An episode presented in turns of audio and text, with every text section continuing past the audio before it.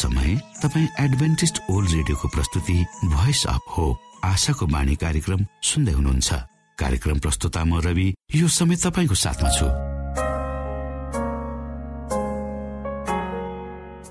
भनिएको छ पापको कारण मानिसका हृदय जन्मेदेखि दुष्टतातर्फ ढल्किएको हुन्छ। आफ्नै स्वरूपमा परमेश्वरले सृजना गर्नु भएको मानिसलाई आफ्नै उद्देश्यमा रूपान्तरण गर्ने र ख्रिस्टको चरित्रमा प्रतिस्थापन गर्ने परमेश्वरको चाहना छ।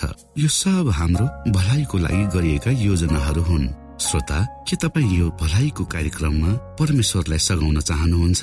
प्रभु यशु क्रिस्ट हृदयको ढोकामा उभिएर ढकढक्याउँदै हुनुहुन्छ। उहाँ तपाईँमा भएर तपाईँको जीवनलाई राम्रोतिर असलतिर ढल्काउन चाहनुहुन्छ बदल्न चाहनुहुन्छ। आशाको बाणी कार्यक्रमलाई नियमित सुनेर परमेश्वरको चाहनाको महत्वलाई बुझेर बाँच्नुको महत्वलाई यहाँले बुझ्नु सक्नुहुनेछ भनेर हामी विश्वस्त छौ। आउनुहोस् फेरि तपाईँले न्यानो स्वागत गर्दै हाम्रो कार्यक्रमलाई सुनिदिनु हुन अनुरोध गर्दै मिठो भजन यहाँ सामु राख्दैछु।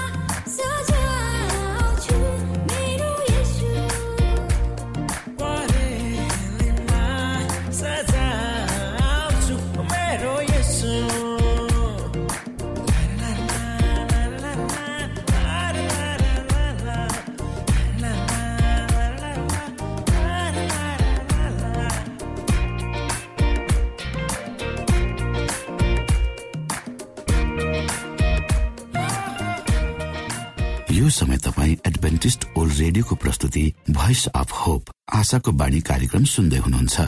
श्रोता मित्र यो समय हामी पास्टर उमेश पोखरेलबाट आजको बाइबल सन्देश सुन्नेछौ।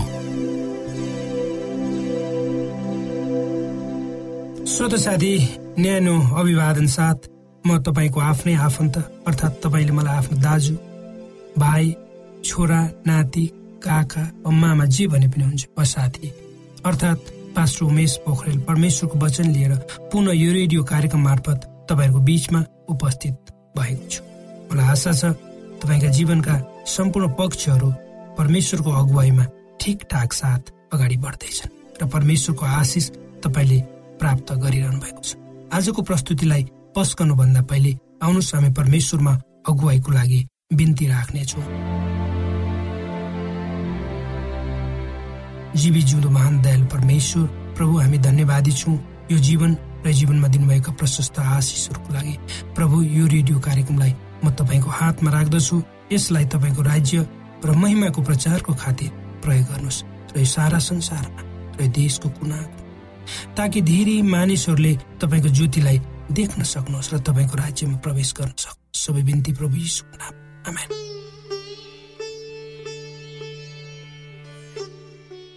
श्रोत साथी पवित्र वैवाहिक जीवनको सुखमय र आशिषमय जीवन शैलीलाई सोच्नुहोस् त। सुखी र आनन्दित वैवाहिक जीवन निश्चय नै आशिषमय हुन्छ जसले एउटा परिवारलाई मात्र नभई त्यस परिवारभित्रका सदस्यहरू आफन्तहरू र छरछिमेकीहरूको निम्ति पनि उदाहरण र आशिष बन्न जान्छ। एउटा पुरुष र स्त्री जब पवित्र बन्धनमा बाँधिन्छन् त्यहाँ परमेश्वर उनीहरूको साथमा हुनुहुन्छ भने हामीले बुझ्नुपर्छ। त्यसैले त वैवाहिक बन्धनलाई पवित्र भनिन्छ। यो परमेश्वरको इच्छा पनि हो र यो संसारलाई निरन्तरता दिन मानिस फुल्नु र फल्नु पर्छ। त्यसको निम्ति विवाह नभई नहुने बन्धन हो जसले दुई शरीरलाई र दुई आत्मालाई एक गराउँछ र जीवनको अन्त्यसम्म उनीहरू सँगसँगै जिउँछन्। सँगसँगै हाँस्छन् र मृत्युले बाहेक उनीहरूको सम्बन्ध अरू कुनै पनि कुराले टुट्नुहुन्न। ती घरहरू कति रमाइला र आशिषित हुने छन् जुन घरहरूमा पवित्र वैवाहिक जीवन परमेश्वरको साथ अगाडि बढेको पाइन्छ।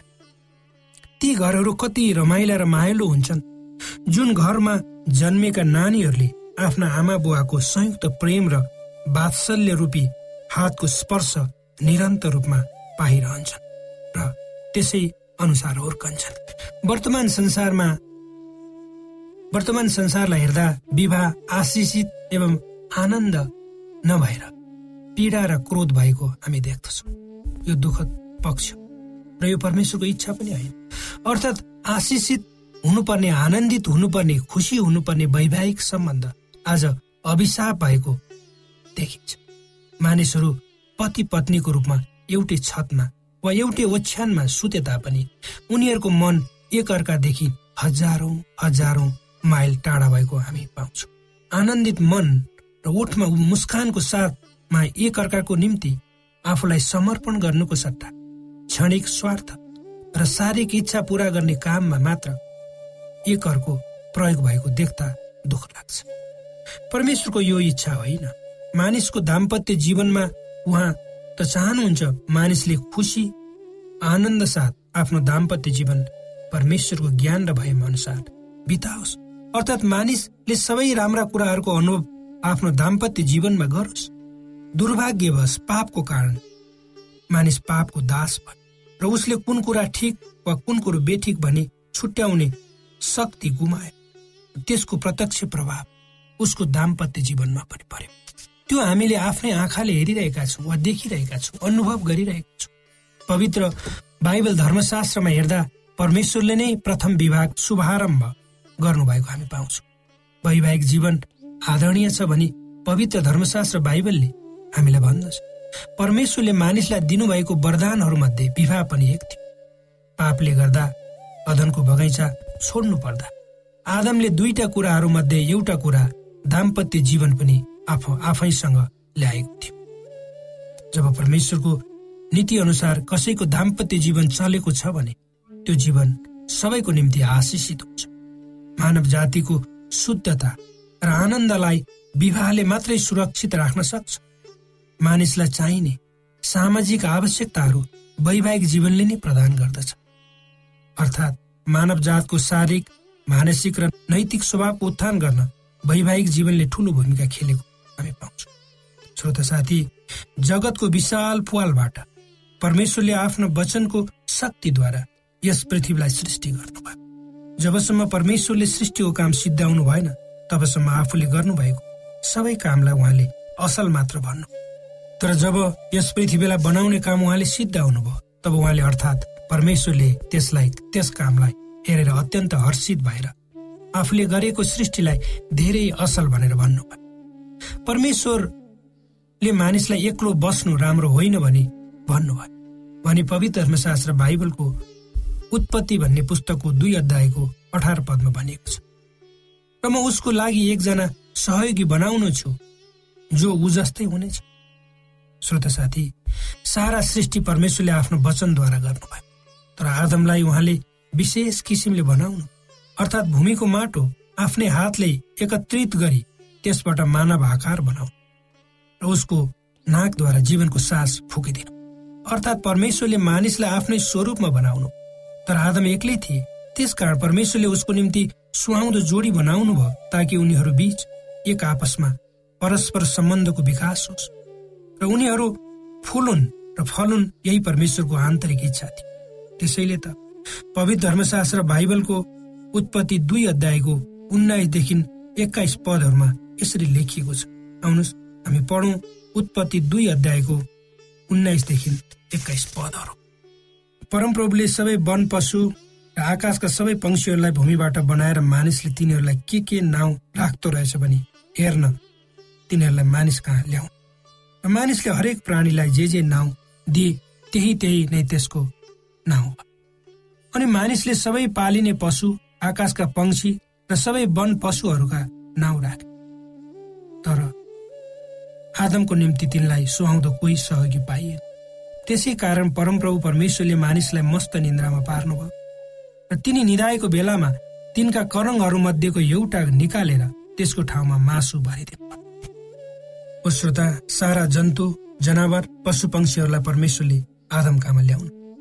र तिनीहरूको नामाकरण गर्ने जिम्मा पनि उनीलाई सुम्पिदिनु भयो तर जब आदमले सबैको नाम दिनु पर्यो तब सबै पशु पंक्षी जोडा जोडा भएर आएको उनले ख्याल गरेको हुनुपर्छ। आफू एक्लै भएको उनले महसुस गरेको हुनुपर्छ। सारा सृष्टिलाई परमेश्वरले असल वा राम्रो भनेर भन्नुभयो तर आदम एक्लै भएको परमेश्वरले महसुस गर्नुभएको हुनुपर्छ। यदि तपाईँ विवाहित हुनुहुन्छ भने तपाईँको दाम्पत्य जीवनमा कस्तो सम्बन्ध तपाईँले अप्नाउनु पर्छ भनेर तपाईँले बुझ्नु भएको छ। यदि तपाईँ विवाहित हुनुहुन्न र विवाह गर्ने सोचमा हुनुहुन्छ भने वैवाहिक जीवन भनेको खेलाची होइन। यो त परमेश्वरको वरदान हो भने आत्मसात गरेर कसरी अगाडि बढ्ने? उक्त कुरामा हामीले उक्त कुरा हामीले बुझ्न जरुरी छ। श्रोत साथी मानिस र अरू यावत जीव जीवातहरू बीचमा ठुलो भिन्नता छ। किनकि आफूले सृष्टि गर्नुभएको सबै जीवात्माहरूको नाम राख्ने जिम्मा परमेश्वरले आदमलाई दिनुभएको थियो। आदमको दाँजोमा कुनै जनावरहरू थिएनन्। कुनै पनि वन मान्छे वा नर बाँदर वा पुच्छरविहीन बाँदरको स्वरूप त्यहाँ थिए। यो कुरालाई हामीले गम्भीर रूपमा बुझ्नुपर्छ। किनकि आजको हाम्रो समाजमा मानिसलाई बाँदरको विकसित रूप हो भने मान्ने मानिसहरू पनि छन्। परमेश्वरको स्वरूपमा विशेष गरी सृष्टि गरिएका तपाईँ हामी कुनै पनि नरबादर वा पुच्छर नभएका बाँदर होइनौँ। परमेश्वरले आदमको लागि सहयोगीको सृष्टि गर्नु। त्यसको विषयमा यसरी लेखिएको छ। त्यसपछि परमप्रभु परमेश्वरले मानिसलाई गहिरो निन्द्रामा पार्नु उनको करङबाट एउटा करङ निकाल्नु भयो त्यस ठाउँमा मासुले पुरिदिनु र निकालिएको करङबाट उहाँले एउटा श्री मानिस बनाएर उनलाई आदमको अगाडि ल्याउनु। भनी भनिएको छ। जमिनको धुलोबाट परमेश्वरले आदमलाई बनाउनु भयो अनि परमेश्वरले हवालाई पनि सृष्टि गर्नु। यही नै विश्वको सबभन्दा पहिलो शल्य क्रिया हुनुपर्छ। हवाको सृष्टि गर्न परमेश्वरलाई आदमको करङको आवश्यकता थिए। जसरी उहाँले आदमलाई आफ्नो जसरी उहाँले आदमलाई माटो मुछेर मानिसको आकार दिएर सृष्टि गर्नु त्यसरी नै परमेश्वरले हवालाई सृष्टि गर्न सक्नुहुन्थ्यो। आदमकै करङबाट हवालाई सृष्टि गर्नु परमेश्वरको विशेष कारण थियो।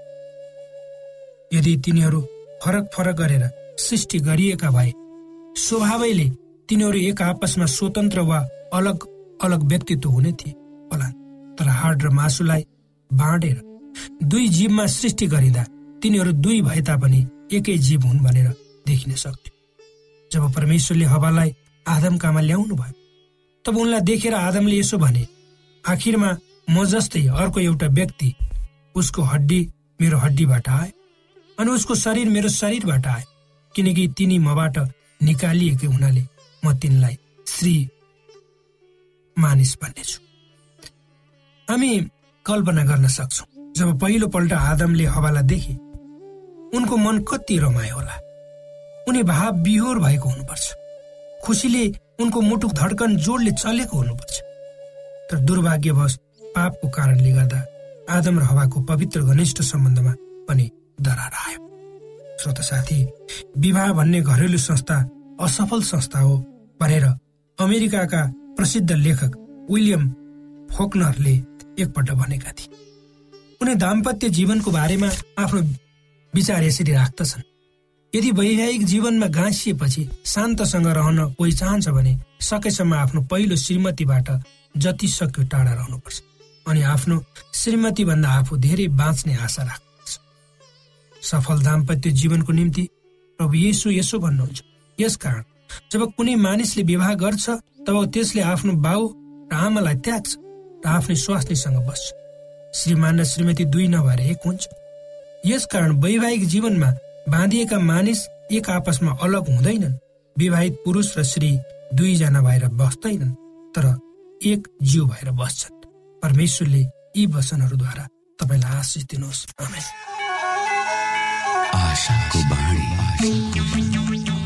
श्रोता भर्खरै यहाँले पास्टर उमेश पोखरेलबाट बाइबल वचन सुन्नुभयो।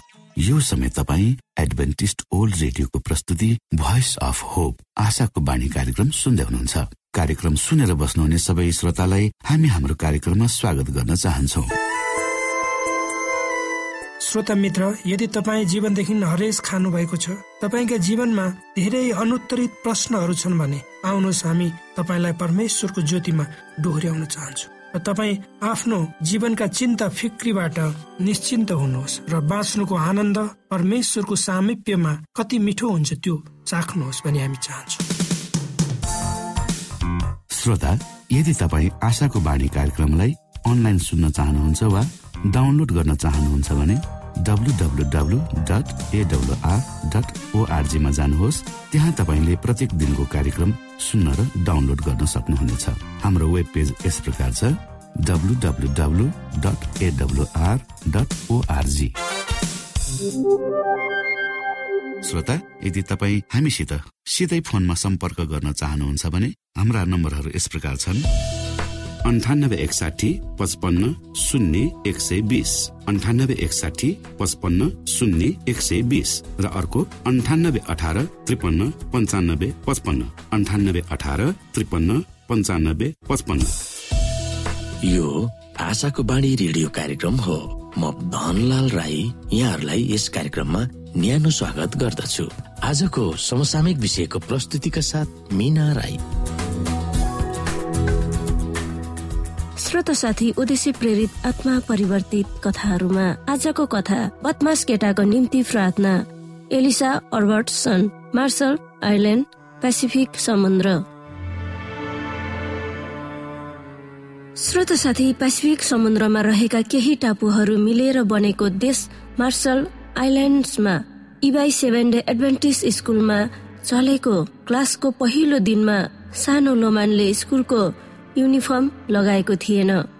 दोस्रो दिनमा पाँच वर्षको केटा किन्डर गार्डन क्लासमा भनेर स्कुलको युनिफर्म लगाएर आयो। यो युनिफर्म कालो प्यान्ट र खैरो कमिज थियो। उसले क्लासमा ध्यान दिएर राम्रोसँग सुन्न सकेन। उक्त कक्षामा पढाउने शिक्षिका एलिसा अर्बर्टसन थिए। उनी अमेरिकाको अलास्का राज्यबाट भर्खरै नयाँ ठाउँमा पढाउन आएकी थिइन्। तर सानो केटो लोमालाई कक्षामा बस्न मन लागेको थिएन। ऊ बाहिर अरू साथीहरूसँग बाटोमा खेल्न पाए पनि हुन्थ्यो भनेर सोचिरहेको थियो। उसका अरू साथीहरू स्कुलमा जाँदैनथे अनि लोमन कक्षामा यताउति चल्न थाल्यो र अरू केटाकेटीहरूलाई चिस्काउन र सिमट्न थाल्यो। चकचके लोमनलाई चुप लगाउन एलिसाले धेरै कोसिस गरिन्। चुप लाग्न भनिन् र अरू केटाकेटीहरूबाट अलग्गै राखिन्। तर पनि लोमन चुप लागेर बसेन। झन हाहा हिही गर्दै कराउन थाल्यो। एलिसाले लोमनलाई हेडसर कहाँ लगिन्। हेडसरले लोमनलाई सम्झाउन खोजे। त्यही पनि उसको बानी सुध्रिएन। उता किन्डर गार्डन क्लासमा भर्खरै भर्ना भएका अरू उन्नाइस जना केटाकेटीहरू पनि धेरै चकचक गरिरहेका थिए। तिनीहरूले एक आपसमा र शिक्षिकालाई समेत चिथोरा चिथोर गर्न थाले। एक दिन त क्लासमा सबै केटाकेटीहरू झ्यालबाट हाम फालेर बाहिर खेल्न जान लागेका थिए तर शिक्षिका एलिसाले तिनीहरूलाई जसो तसो गरेर रोकेकी थिइन्। एलिसाले लोमनकी सानी आमासँग ऊ किन यस्तो बदमास भएको भनेर सोधिन्? सानीमाले लोमनको घरको बारेमा एलिसालाई सुनाइन्। लोमनकी आमा भर्खरकी थिइन्? अनि उसको बुबा चाहिँ जडाया थिए। तिनीहरू पेसिफिक आइल्यान्डको अर्कै टापुमा बस्दथे र लोमन उनको सानी आमा र काकासँग इबेई टापुमा बस्दथे। यो टापुमा बाह्र हजार भन्दा बढी मानिसहरू बस्दथे। लोमनको बारेमा सुनेपछि शिक्षिका एलिसालाई लोमन प्रति ज्यादै माया लागेर आयो। लोमनकी सानी आमालाई एलिसाले भनिन् तपाईँको कुरा सुनेर मलाई कस्तो दुःख लाग्यो। बिचरा उसलाई मायाको खाँचो छ अनि ऊ पहिलो पल्ट स्कुलमा भर्ना भएको छ। उसलाई धेरै हेरचाह र स्नेहको आवश्यकता छ भन्ने मलाई लागिरहेको छ। श्रोत साथी एक दिन लोमन शरीरभरि घाउ र निलदाम लिएर स्कुल आएको थियो। उसको एउटा आँखा पनि सुन्निएको थियो। लोमनको घरमा केही नराम्रो भएको हुनुपर्छ भन्ने एलिसाले सोचिन्। लोमनको बारेमा एलिसाले हेडसरसँग पनि कुरा गरिन् तर तिनीहरूले लोमनलाई सहयोग गर्ने आँट गर्न सकेनन् किनभने घरेसी झगडा वा केटाकेटीको विषयलाई त्यस ठाउँका मानिसहरू प्राय सरकारलाई दोष दिन्थे। तिनीहरू भन्दथे बालिकालाई सहायता गर्न सरकारले वास्ता नै गर्दैन। तब एलिसा के गर्ने होला भनेर दोधारमा परिन्। लोमनको परिवारलाई ऊ अटेरी र बदमास छ भनेर गुनासो पोखाउन पनि छोडिन्।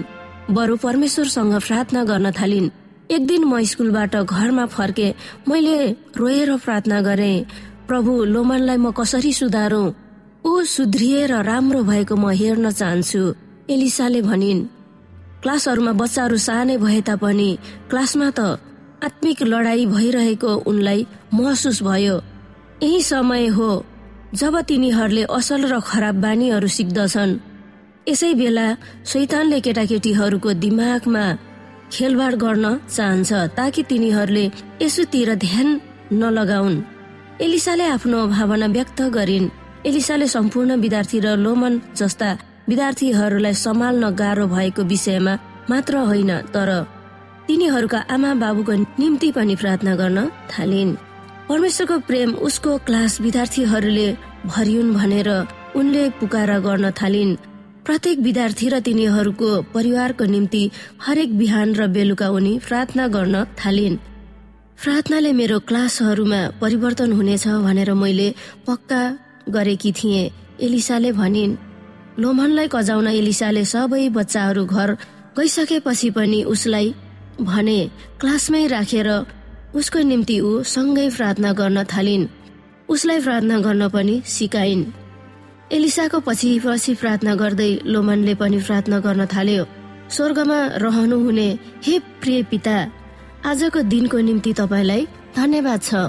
मेरो खाना जुटाइदिनु भएको निम्ति तपाईँलाई धन्यवाद छ। क्लासमा चक्च गरे मलाई माफी दिनुहोस्। मैले साथीहरूलाई दुःख दिएकोमा मलाई दुःख लागेको छ। मलाई माफ गरिदिनुहोस्। भोलि क्लासमा राम्रोसँग सुन्ने र दयालु हुने मन मलाई दिनुहोस्। श्रोता साथी एक दिन प्रार्थना गरिरहेको समयमा लोमनले एलिसालाई भन्यो मिस मिस म पहिले यी सबै मेन्सहरू मिलाउँछु। है त लोमनले उसको मिसलाई सहयोग गर्न चाहेको यो पहिलो पटक थियो। सबैको निम्ति प्रार्थना गर्न थालेको दुई हप्ता भित्रै एलिसाले आफ्नो क्लासमा केही न केही परिवर्तन आएको महसुस गरिन्। अरू बच्चाहरूले क्लासमा फोहोर गर्दा पनि अब त्यसलाई लोमनले सफा गर्न थालेको थियो। झगडा गर्ने बच्चाहरूको बीचमा उभिएर झगडा नगर भनेर सम्झाउन थालेर एक आपसमा अङ्गालो हालेर माया गर्न सक्नुपर्छ भनेर लोमनले अरूलाई सिकाउन थाल्यो। अरू बच्चाहरूको व्यवहारमा पनि परिवर्तन आउन थालेको थियो। तिनीहरू एक आपसमा पहिलाको भन्दा मिल्न र माया गर्न थालेका थिए। सरी माफ गर्नुहोस् भनेर भन्न थाले। जुन बच्चाले चित्त दुखाएका थिए तिनले पनि ल ल तिमीलाई माफी भयो भनेर अङ्गालो मार्न थाले। यी सबै घटनाहरूले एलिसालाई आफ्नो क्लासमा परमेश्वरको प्रेम भइरहेको महसुस भइरहेको थियो। शिक्षकहरूले पक्षपात गर्नु त हुँदैन तर एलिसाको निम्ति लोमन धेरै नजिक हुन पुगेको थियो। एक्काइस वर्षकी एलिसाले भनिन् लोमन ज्ञानी बच्चा हो तर उसलाई मायाको अभाव थियो र उसको घरमा झै झगडा भइरहने भएकोले उसलाई शान्ति भनेको के हो सो कुरा महसुस हुन पाएको थिएन। यस समयको भेटीको केही भाग इबेई सेभेन डे एडभान्टिस स्कुलका क्लासहरूको मर्मतको निम्ति सहयोग मिल्नेछ। त्यसले गर्दा लोमन जस्ता बालबालिकाहरूले प्यारो परमेश्वर पिताको बारेमा निरन्तर रूपमा सिक्न सक्नेछन्। आदरणीय मित्र बाइबलले बताएको छ परमेश्वरले तिर्खाकाहरूलाई तृप्त पार्नुहुन्छ र भोकालाई उत्तम पदार्थले सन्तुष्ट पार्नुहुन्छ। हामीलाई दिइएको यो छोटो समय आशाको बाणीको प्रस्तुतिको समयमा हामीले हाम्रा श्रोताको आत्मिक भोकलाई केही मात्रामा भए तापनि सही प्रकारको खोराक पस्केर आत्मिक सन्तुष्टि दिन सकेका छौँ केही ऊर्जा थप्न सकेका छौँ भनेर हामीले आशा राखेका छौँ। आफ्ना मनमा भएका केही दुविधा र शङ्काहरू छन् भने अवश्य हामीसँग बाँडेर शङ्काको निवारण गर्नुहुनेछ र सही प्रकारको बाटो पहिल्याउन सक्नुहुनेछ परमेश्वरको सच्चाइले अझ राम्रो बुझ्न सक्नुहुनेछ र आफ्नो जीवनलाई परमेश्वरमा पूर्ण समर्पित भएर समर्पण सहितको जीवन बिताउन सक्नुहुनेछ भनेर आशा राख्दै अब हामी हाम्रो कार्यक्रम सकिएको जानकारी यहाँलाई गराउन चाहन्छौ। जानुभन्दा अगाडि श्रोता हामी यहाँलाई हाम्रो ठेगानाको विषयमा जानकारी गरौँ। हामीसँग पत्राचार गर्ने हाम्रो ठेगाना यस प्रकार छ। आशाको बाणी पोस्ट बक्स नम्बर दुई शून्य शून्य शून्य दुई काठमाडौँ नेपाल। आशाको बाणी पोस्ट बक्स नम्बर दुई शून्य शून्य शून्य दुई काठमाडौँ नेपाल। यसै गरी श्रोता यदि तपाईँ हामीसँग सिधै कुराकानी गर्न चाहनुहुन्छ भने हाम्रो फोन नम्बर यस प्रकार छ। अन्ठानब्बे एकसाठी पचपन्न शून्य एक सय बिस र अर्को अन्ठानब्बे अठार त्रिपन्न पन्चानब्बे पचपन्न। यदि तपाईँ हामीलाई अनलाइन सुन्न चाहनुहुन्छ वा डाउनलोड गर्न चाहनुहुन्छ भने तपाईँ W W W dot AWR dot ओआरजीमा जानुहोस् र त्यहाँ तपाईँले हाम्रा सबै कार्यक्रमहरू सुन्न सक्नुहुनेछ।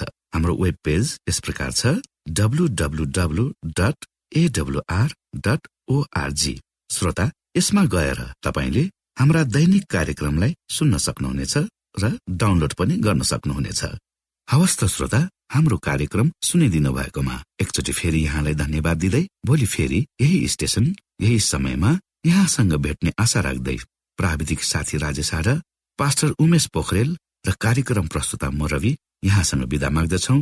परमेश्वरले तपाईँलाई धेरै धेरै आशिष दिनुभएको होस्। नमस्कार।